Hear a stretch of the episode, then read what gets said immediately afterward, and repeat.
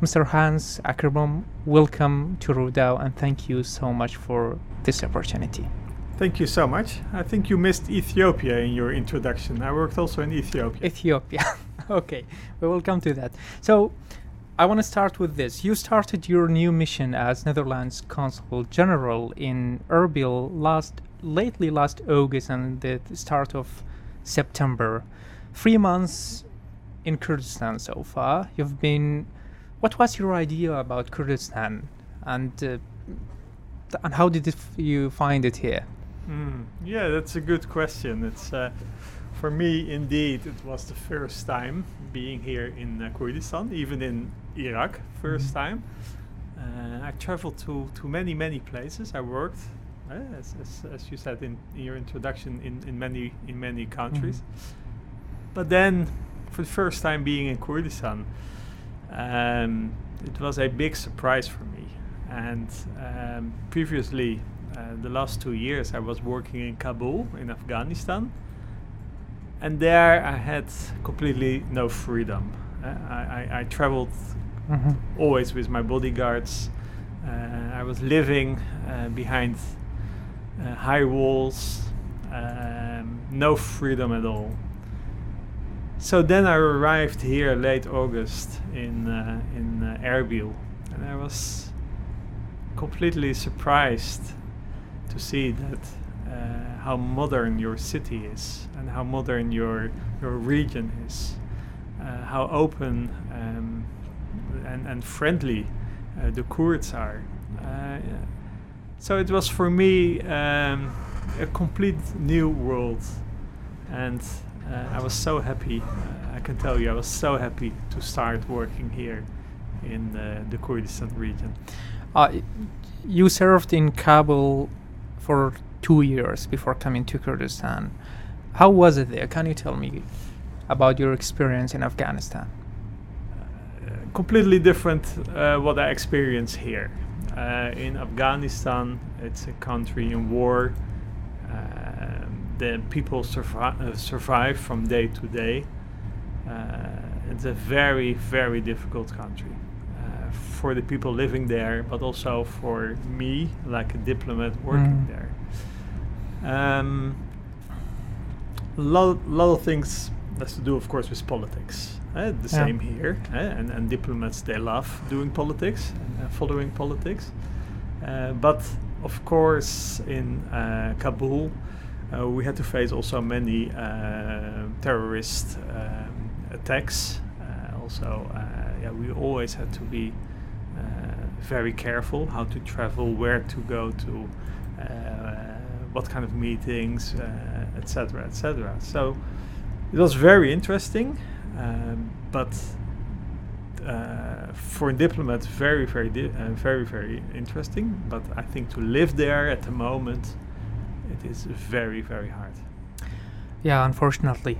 Given your two years of experience in Afghanistan, I, I can say that lots of things uh, in the Kurdish culture might be uh, familiar for you.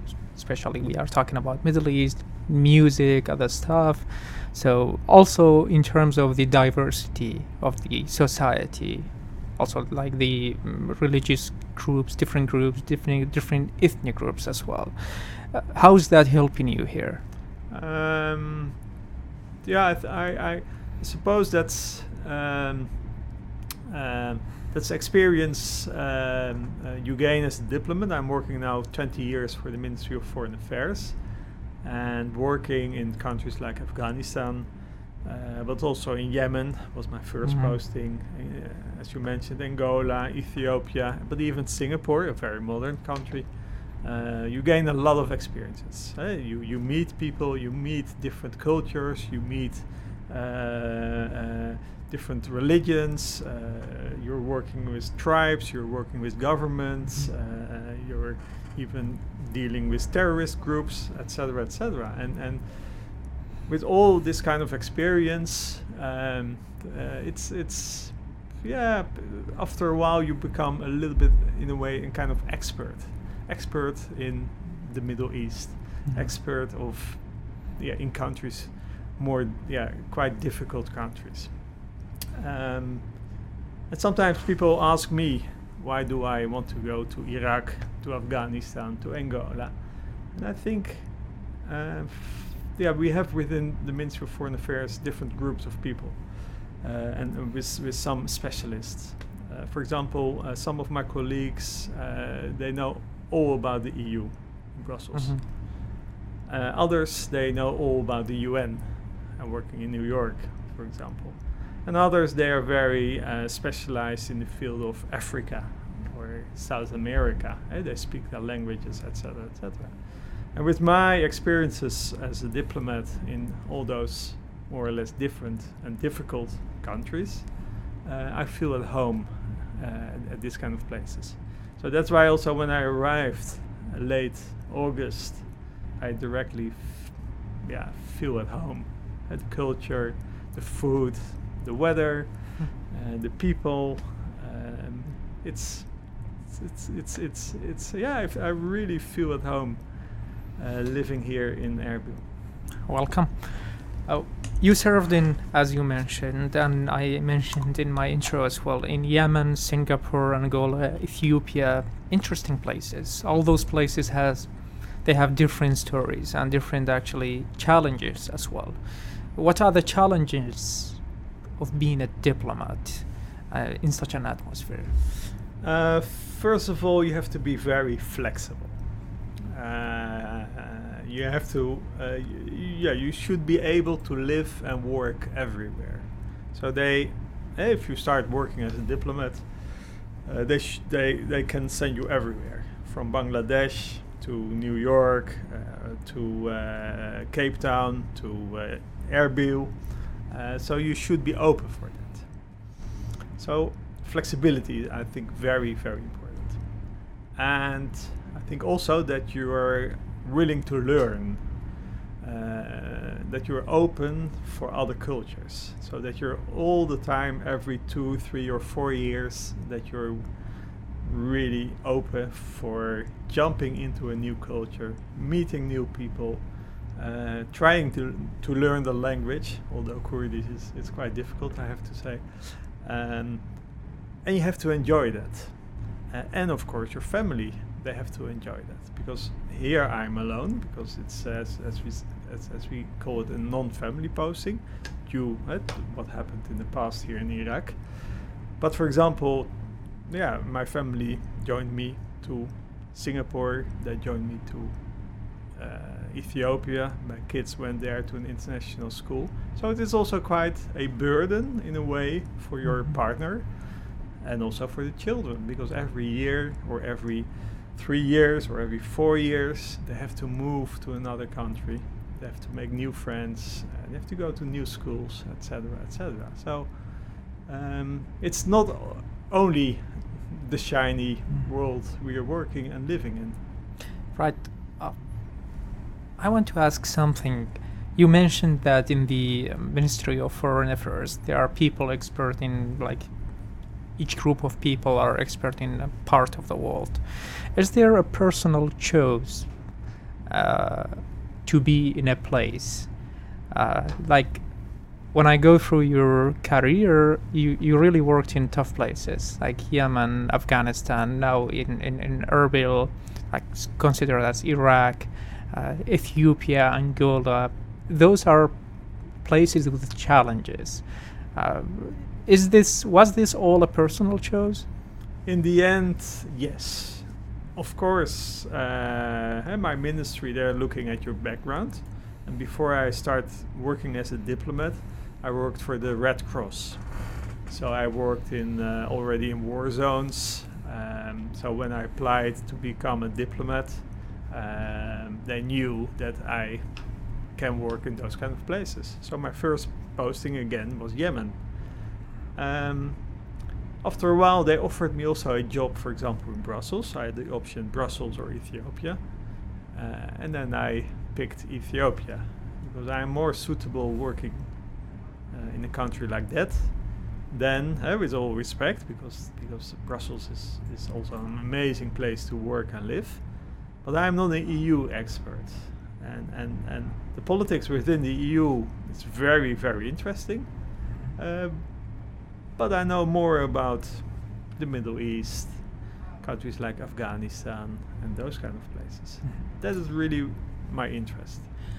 Back to Kurdistan. On Monday, KRI Prime Minister Masroor Barzani met with Netherlands Prime Minister Mark Rutte. And Prime Minister Barzani said in a tweet, and here I quote, our strong partnership with the Netherlands will bring new investment to Kurdistan, new opportunities for Dutch businesses, and closer cooperation on security. End of quote. Also, Prime Minister Rutte tweeted, in my meeting with Prime Minister Barzani, we discussed topics such as security in the region, migration, and stepping up bilateral cooperation in agriculture. How Netherlands and Kurdistan region are working together to bring Dutch investors to Kurdistan. Yeah. Um, it's a it's a very big honor that that your prime minister visited uh, the Netherlands. Um, uh, he had a meeting with my prime minister, and uh, they felt uh, that uh, this this mutual understanding, uh, as friends even. We are small countries. Uh, if you look at the Kurdistan region, if you look at the Netherlands, I think size-wise we are more or less the same. Yes. Uh, we have, of course, a little bit more people, around 17 million, uh, but we only survive by others. So we only survive uh, being traders. So we deal with Germany, we, we deal with UK, we deal with uh, Iraq. Um, that is how we survive. So we are traders. We try to uh, later on we will talk about agriculture, I suppose. So we try to survive like dealing and wheeling with other countries and nations. Not so much involved in politics like other countries, but more for business, etc. Um, your beautiful region, um, of course, um, uh, it, it has a lot of potential in the field of agriculture. Uh, you import a lot from Turkey, from Iran, from other places.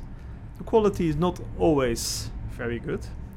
Uh, price-wise, you pay a lot, and of course, in the in, in, in also in the in the early days, uh, you know that agriculture can be very important for the Kurdistan region, uh, especially if you look now. Uh, the oil price is very low. Uh, I had a meeting with your president and with the prime minister. Diversification is very very important in Kurdistan. Very important.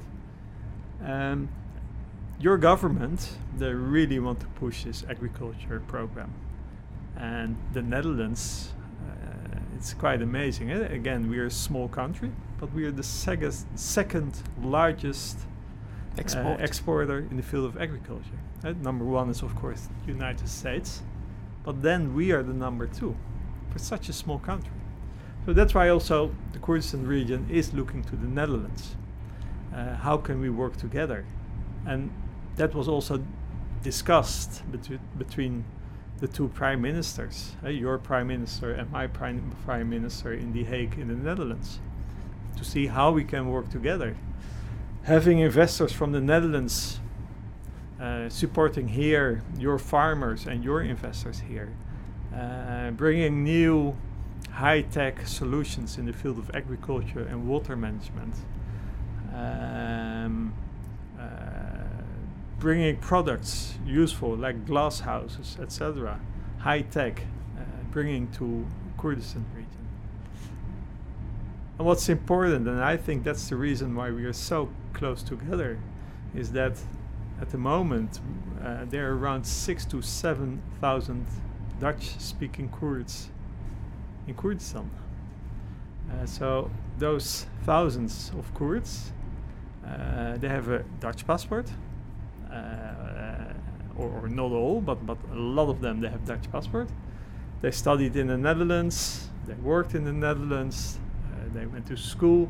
Uh, they have their Dutch friends. Um, they went to the, our shopping malls in the Netherlands. They went to our garden centers to, in the Netherlands. They visited farmers.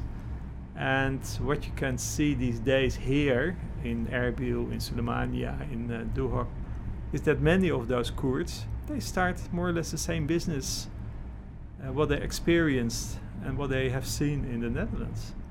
And we're going to support uh, them as the Netherlands.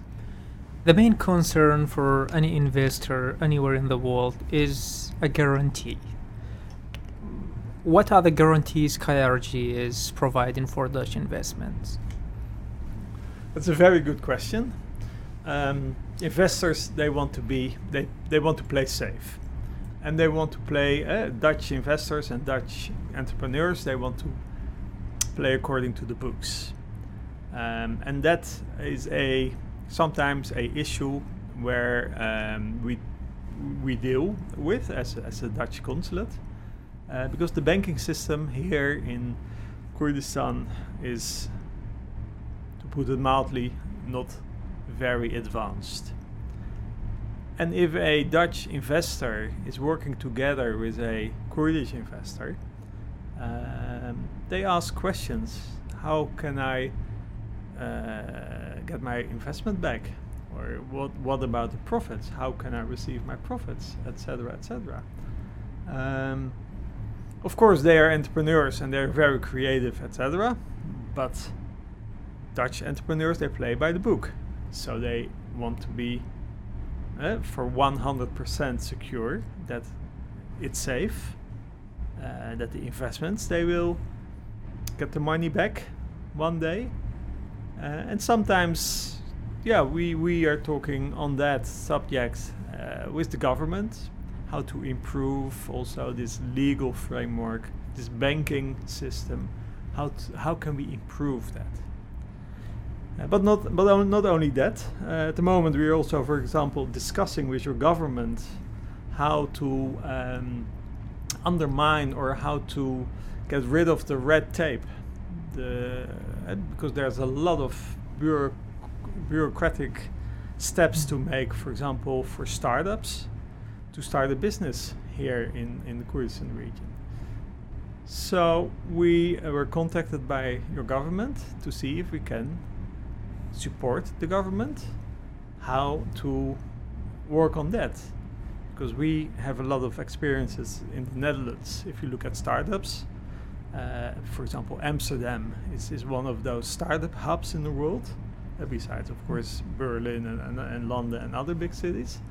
And, and, and as the Netherlands consulate, we're also having some programs for supporting startups. Uh, nothing to do with the Netherlands, so we support startups, Kurdish startups, but then they face a quite a lot of issues and problems and, and, and red tape, etc., etc.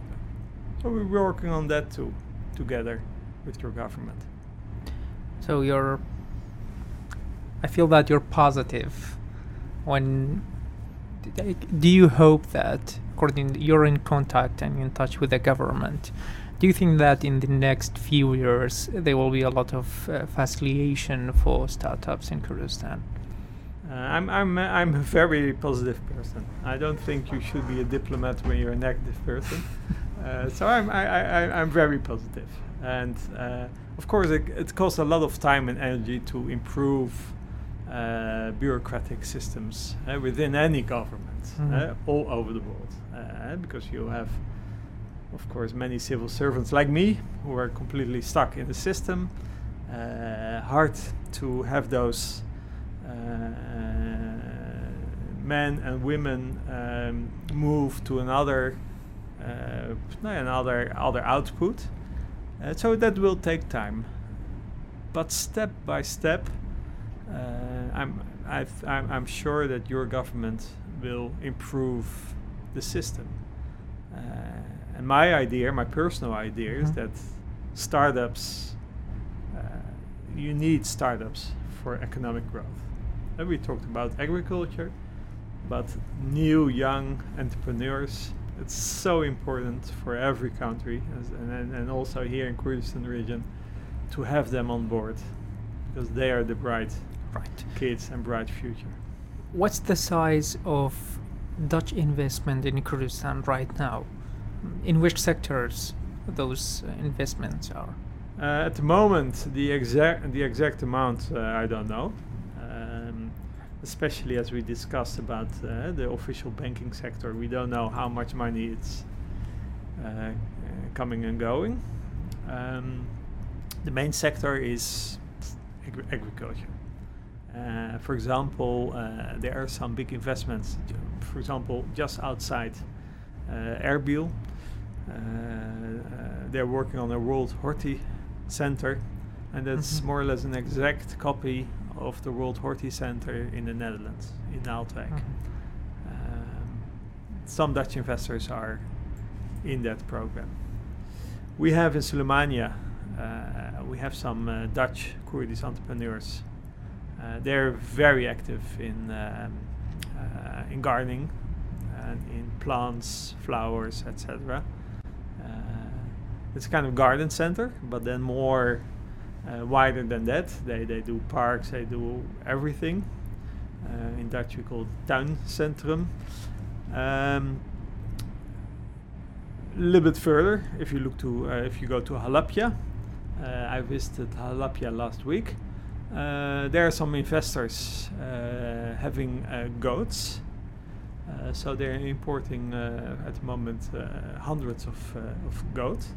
That's for goat cheese. And what they also surprisingly told me that they're going to use uh, the goat milk for goat ice creams. I never heard about that, but there's a market for. it. Um, if you look for in Duhok, potatoes, we're working on um, in the field of uh, potatoes. Um, and it's not only the investors who are putting money in it. We, as the Netherlands government, we have also programs because we support Dutch companies and Kurdish companies to be together and to invest together. We call them PPP, the public-private partnerships. And as a Dutch government, uh, yeah, we are willing to fund those kind of investments. So besides startups, we're also funding the bigger companies to eh, have a big advantage, a win-win for the Kurdish region and also for the Netherlands. When you started your work here, you met with uh, Kurdistan region president Mr. Nechirvan Barzani. Then you tweeted that code, "Thank you for our open and frank discussion." Uh, I want to ask about that frank discussion. How did it go? How was it? What did you discuss? It was it was a very very pleasant meeting. Um, your president is an is a is a very open and, and, and friendly gentleman. Um, uh, he knows a lot about the Netherlands. He visited the Netherlands. So it was a very, as I said uh, on my Twitter, open and frank discussion. Uh, we, we discussed mainly um, trade. Uh, this subject is all the time coming back. So we had a discussion on again agriculture, water management, and we discussed also our progress in the field of uh, startups. Uh, and your president told me, uh, what I didn't communicate via Twitter, that he uh, would like also to join uh, or to, to, to join one day one of our startup sessions because we have a training program. Uh, every year we train around 40 startups together with uh, M Select, that's a Mhm. local company sponsored by, for example, Asiacell and other big companies. But the president um, invited himself to join one day uh, the startups here in, um, in Kurdistan. You also met uh, with Prime Minister Masroor Barzani when you started your work here. There also you, you discussed trade, investment, and security. Uh, what was Prime Minister Barzani's views on those topics, especially security? Um, yeah, uh, your your Prime Minister um, Masroor Barzani, uh, he thanked the Netherlands for the support uh, for the last years against ISIS. Uh, the Netherlands is part of the coalition, and we uh, supported you to fight um, against ISIS. And um, we are working on, on the so-called Peshmerga reform. Uh, the Netherlands is working together with Germany, the United States, and the UK uh, in the program again called the Peshmerga reform. So we work together, And uh, your prime minister, um, Masroor Barzani, he thanked the Netherlands uh, for working in this field of securing. Yeah, I want to come back on to agriculture and ask more question about that field because one of the most of the work you do here is actually agriculture sector. Netherlands, as you said, is the second uh, largest exporter of uh, fresh fruits and vegetables in the world. In an interview with Rudaw Radio in uh, August, uh, Netherlands Consul General in Erbil, Mr. William Kusin, said they want to make Kurdistan region a big exporter of agriculture products. What are the key gaps in terms of policy to achieve that in Kurdistan, given Netherlands' experience in KRG? Um, yeah, first of all, is uh, knowledge. Knowledge is very important. Um, you have many, many investors willing to uh, jump into the field of agriculture. Uh, but what they lack is knowledge. They have the money, but they know they don't know how to do it. So what I what what they sometimes do is they connect with other countries to see where uh, where can they have the knowledge, where where can they have the quality, and luckily they know that the Netherlands is uh, yeah you know, on the high end if you look in the field of, of agriculture.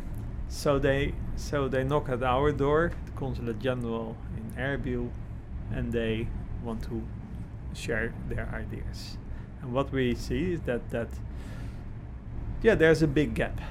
Uh, and for that, we are working together with a university in the Netherlands. It's called Wageningen University. Wageningen University is a high-tech uh, agricultural uh, university. People say it's the best in the world. It's full of international students from wherever. Uh, but this university, uh, they're so advanced in all new techniques.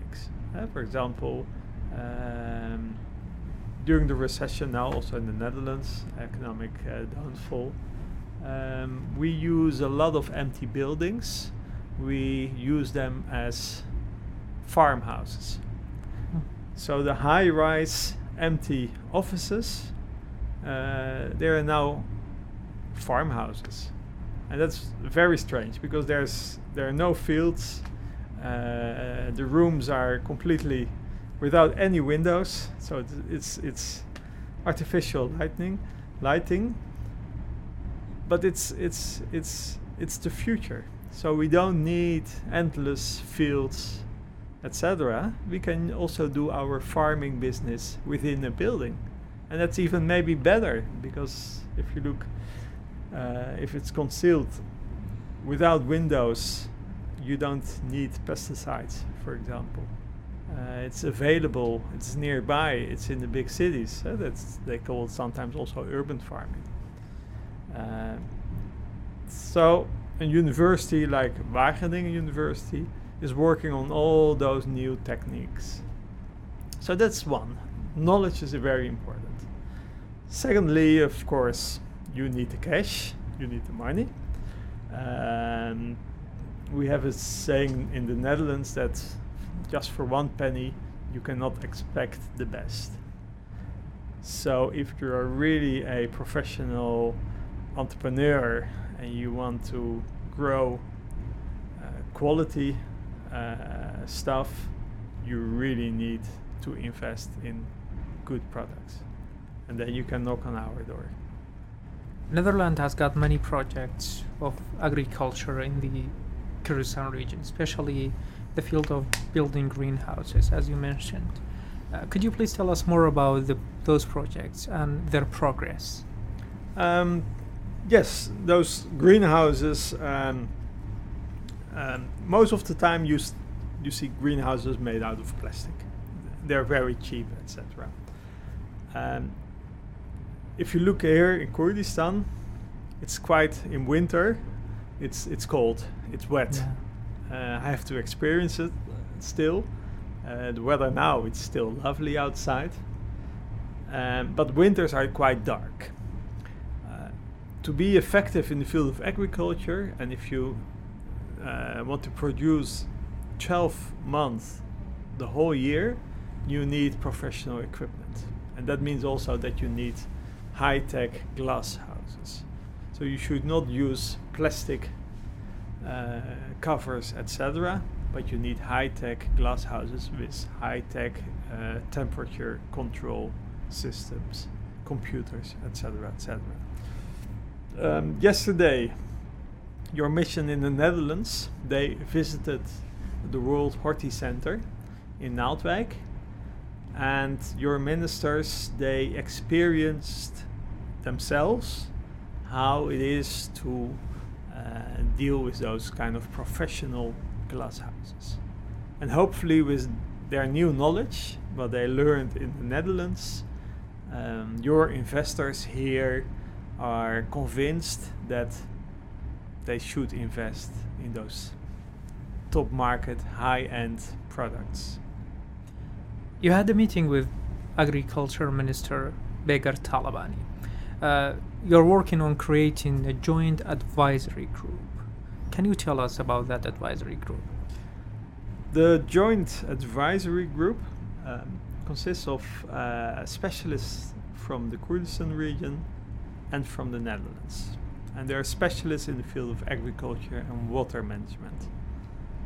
Uh, they will start in January and they will discuss what are the priorities within the Kurdistan region to invest if you look into agriculture. Because at the moment, a lot of entrepreneurs, government, etc., they want to do a lot, and but they don't know exactly where to start. So with this advisory group of specialists, they try to support all those investors, but also the government, for prioritizing what to do in the field of agriculture and water management. Because you cannot start everywhere. You have to make your priorities step by step. And that's the goal of the team. And for that, we're also looking then thereafter what kind of investors do we need for those priorities? And where can we find those investors? To improve the agriculture sector, isn't it's not enough to enhance the level of production, but it's also need to sort sorting facilities and most importantly finding market for the products. How can the Netherlands help Kurdistan uh, in this regard, both with regards of, of investment and formulating a policy as well? Yeah, um, that's a very good question. Um, people like to produce, people like to have products, uh, but then what what will happen thereafter? Uh, for example, um, you're a producer of flowers. And so you grow beautiful flowers. But what's next? Uh, you have your flowers, but how can you sell your flowers? And where to can you sell the flowers? So our advisors from the Netherlands, they look at the, at the value chain, so-called the value chain.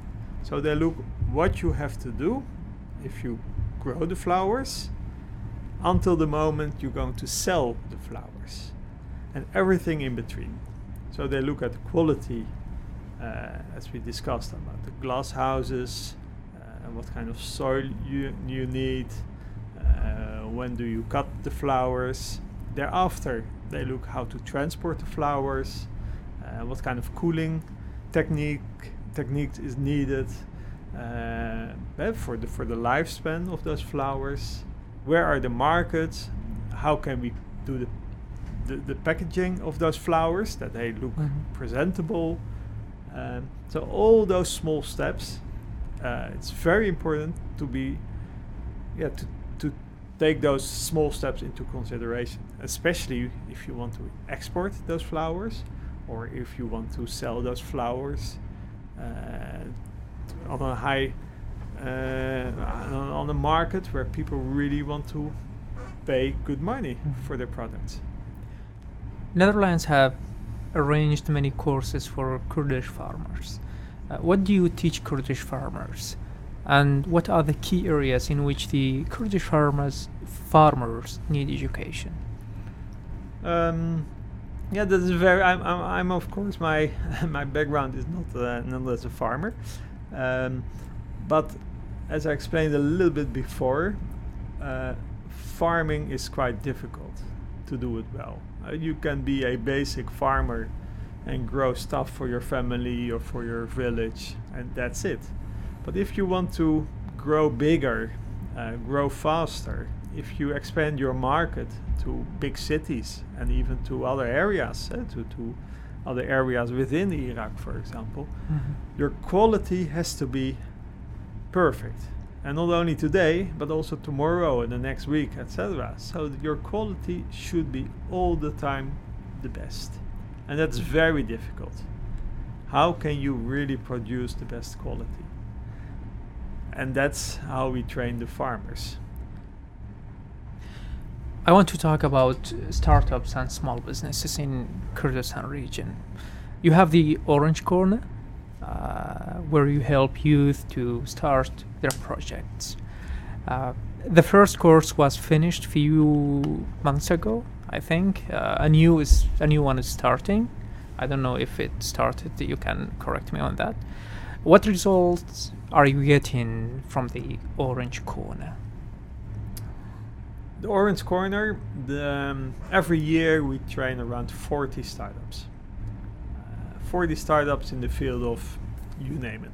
Uh, that can be in the field of agriculture, that can be in the field of e commerce, that can be in the field of transportation, Yeah. anything. All those young, bright women and men, they apply to this program. And every year we have around three, four, or five hundred applicants, but only 40 we will train. They are trained in the field of, for example, marketing. Uh, they're trained in the field of um, production. They're trained in the field of whatever. So they are supported by a team of experts. Uh, they're trained by, for example, big companies, successful companies. Uh, they are trained by social media uh, specialists.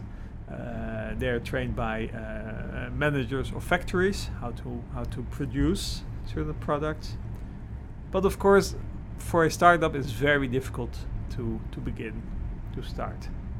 And most startups, and that is also uh, uh, more or less all over the world, are, are around 80%. They will not succeed. So what we do during those training sessions is to support them, to train them on all those different kind of aspects. What we sometimes thereafter uh, experience is that some of those startups they have to stop because they face a lot of red tape, bureaucracy uh, to start their company. Uh, for example, finding a name and putting a name forward for your company that takes already a long time and that's frustrating for those young entrepreneurs if you have a nice name for your company and first uh, you have to wait for a selection that this name is suitable for you that frustrates an entrepreneur this is an example but there are of course a lot of other examples that's very difficult for an entrepreneur. The banking system we already Mm. discussed, opening a bank account, etc., etc. So what we do as the Netherlands is trying to support, together with your government, all those startups to push a little bit further. That we will give them from next year onward seed money, so they receive amount of money from the Netherlands government, mm-hmm. and we try to, together with the Kurdistan region, the government, we try to solve those bureaucratic hurdles. So we are sitting together, and for example, the end of this month, we are sitting together with government, with startups, with uh, my consulate general, uh, and with uh, experts, and we're going to discuss wide open, brainstorming, what are the problems, what are the bottlenecks, what are the hurdles to be a good entrepreneur. and hopefully together, all of us, we can solve of that. We can solve some of those problems. You have military trainers in Kurdistan region. You have also a plan called the Dutch Plan, as you said. You talked about it to organize the Peshmerga forces. Can you tell us about the plan and its progress? Where is it right now? uh, the Peshmerga reform program, uh, we're working together with Germany, the United States, and the UK.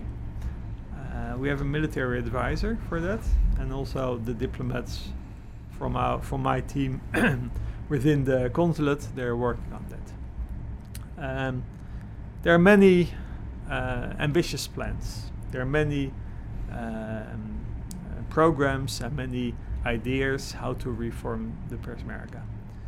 The military advisors, they sit together, they work on those plans, they work on the outcomes, and they connect with the diplomats and with the governmental uh, officials.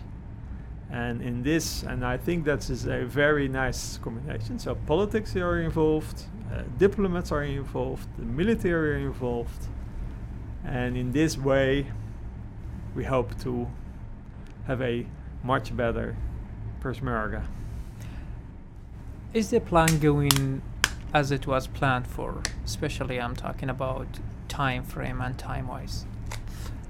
I don't know exactly when it started.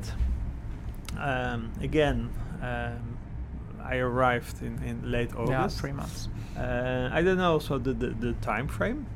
Um, today I spoke with, with our military advisor, and he was very positive about the progress. Um, I don't know all the detail the details, but um, uh, things are things is things are moving. Of course, there are still the issues. Uh, we, we talked about business and we talked about other things, and of course, there are always hurdles, bottlenecks, etc., etc. When you met uh, Kurdistan region president and prime minister, have you? Of course, you you talked about security and Peshmerga reform. Also, as a diplomat, you meet with politicians and political parties in Kurdistan. Do you see the political will among Kurdistan region politicians and decision makers for this reform because we know this is this is not just about organizing the Peshmerga. It's not just a technical side. The most important thing is the political will. This Peshmerga reform have been around since like uh, it's been more than even before the Dutch plan started. There was a lot of talks about mm. Peshmerga reform, but it didn't happen. And one of the reasons is uh, agreement between decision makers and politicians. It's a, on a political level. When you meet, meet them, do you feel that political will from different sides? The last weeks uh, after I started here in um, in Kurdistan region, uh, I met a lot of uh, political players and political actors um, I had a meeting with uh, Goran. I had a meeting with PUK. I had a meeting with KDP. And of course, we discussed subjects like what we discussed today about economic uh, growth, agriculture, uh, our bilateral relations, and of course also security. And during all those talks already I, I had. Uh, my feeling is that from all political sides, th- they're all agreeing that there should be a reform. And they all, of course, maybe they're only friendly, but uh, I think we had open and frank discussions that they meant that they're all very happy that the Netherlands, together with the United States, together with Germany, together with the United Kingdom, that they're all happy that we are trying to support this Peshmerga reform. So I have the feeling, as a diplomat, that indeed the will is there, the willingness is there, but of course, eh, we have to. It's it's a it's a long way still. I want to ask a few last questions. They're not gonna be political questions, and I think it will be easier to answer. You started your work here in late August, and on September 18th, one of the staff of the consulate prepared a homemade Kurdish dolma. I think that was your first dolma here. Tell us about it. How was it? Yeah, it's amazing. I know Yeah, in the consulate you, you always have share food and it's a very friendly atmosphere yes, yes, yes, yes. Now, uh, every I, I, first of all, I love food, so I'm uh, I'm I, I'm a I'm a kind of foodie, uh, and I love uh, uh, non-Dutch food. Uh, of course, Dutch food is also quite fun sometimes, but I love your food. I, I'm really fond of it. So what we try, and also today during lunch, that we every day we try to taste something from your kitchen. So today, of course, we had our kebab. Uh, I will not na- make uh, advertisement for the restaurant where we bought it, but it was it was amazing. Um, um, and and the same what we sometimes do is some of our colleagues, um, our Kurdish colleagues, they like to cook. And uh, in this instance, the mother of, uh, of, of our uh, uh, economic um, affairs colleague, she made this lovely, lovely dolma.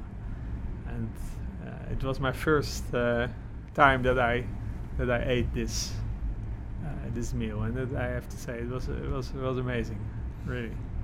We had the Indian consul here and we talked about food. He told me dolma is great, but less sour. If it was only a little bit less sour, do you have the same or it was all okay for you? No, it was okay for me. It was okay me, for me. Yeah, it's of course if you compare it to Indian food, Indian food is more spicy. Yeah. Eh, and, and and sometimes for me even too spicy. Uh, but but dolma was especially it was it was so nicely home cooked. Um, and they say yeah the best food is home cooked food. I don't know if it's true, but uh, You described yourself as, as you said now, as a foodie person. I even saw pictures of you even when you was you were in Afghanistan. You were trying local food, Afghanistani food, and here you're trying Kurdish food. And uh, I also saw a picture of you of uh, having kebab. Uh, so it seems like you're enjoying food here in Erbil. Uh, Mr. William Kosin, the former consul, uh, he told me that he gained five six kilos when he was in Kurdistan. Didn't he warn you about this? no, no he, he didn't tell me about it. But uh, but my local colleague, I will not name his name, but he knows who. eh? But he said no, um, Hans. Uh, your belly is uh, expanding a little bit. so only after uh, three months. Uh, so luckily I'm a runner. I'm uh, I'm I'm running a lot also here in Erbil. So I uh, but I think I have to sport a little bit more. So if my colleague is making already uh, the remark that suddenly you can you can see my belly, uh, I have to do more sport because I still continue eating because it's a kind of addiction. I cannot Um, stop eating your your beautiful food. You just started. You still have one year and I think nine months Exactly. left exact- to try exactly, food. Yeah. Yeah. Uh, you're going to a gym or just running? No, just running. Just running. Yes. Uh, what was the surprise when you came here for you in the Kurdish culture? Something that you didn't expect. Um, the surprises, um, I think the openness. That um, I didn't expect that uh, you're you're very outgoing. Uh, that you like to show off uh, your your beautiful cars, your uh, showing off with how people look, um, and especially when the weather was a little bit warmer than today, uh, that your restaurants and terraces are, are completely packed on Thursday evening and Friday evening, and that was for me a not a shock, Uh, but after Afghanistan, it was uh, it was completely uh, getting used to it again, and I love it. Here you have more freedom, and I think you can drive and uh, go out. You didn't have that in Afghanistan due to mm, security reasons. Do you just work, or do you have what do you do in your free time? Um, we, we I have to say we work a lot. Uh, we make long days. Uh, it's it's a small team, uh, and there's a lot of ambition. Uh, there's a lot of work because if you have amb- ambition, you create a lot of work. So we make long days, uh, morning nine, and, and sometimes, nou ja, until nine in the evening. So 12 hours. We we're uh, sometimes at the office. In the evening, um, I have my uh, official meetings. Have my dinners. Uh, although, of course, with COVID, it's less than uh, than than normal. But I have my um, meetings with uh, other uh, consul generals. I have meetings with investors, um, with governmental officials. So it is a a, a busy um, time here in uh, in Mm. Erbil. And of course, I travel. Uh, I try to uh, visit your uh, region as, as much as different possible. places. You were in Halabja, Suleimani, Dukan. Exactly. Yeah. Exactly. Yeah. Lake Dukan uh, uh, on a boat. Uh, Explored the the area and uh, so yeah I, I, I really want to travel the coming years and do you find any difficulties finding Dutch products here? Cheese, good coffee, or you're okay with that? You get it easily. no that was maybe also a big surprise indeed that uh, uh, nearby my apartment uh, there is a supermarket called Holland uh, uh, and there are more supermarkets called Holland and if I enter the supermarket I can see so many products from the Netherlands.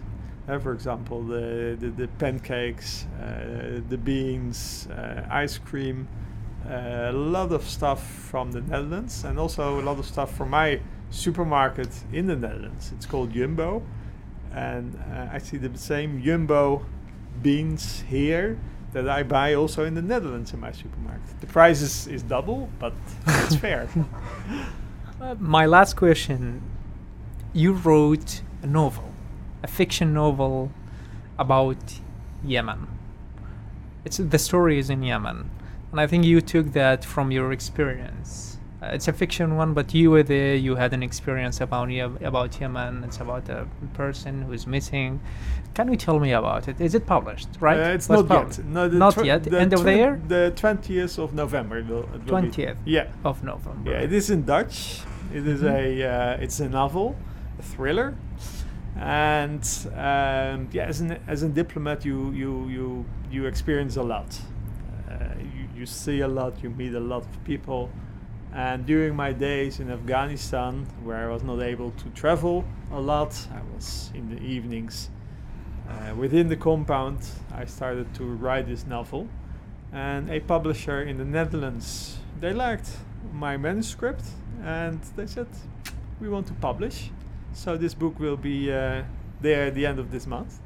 It is in Dutch. Hopefully one day there will be in translation in uh, in other languages, but uh, but it's uh, it's nice for me to have this book. i hope to see it in kurdish Thank you so much. Mr. Hans Akerboom, I thank you very much for your time uh, to have this interview with us at Rudaw Radio. Very good. Thank you so much. Thanks a lot.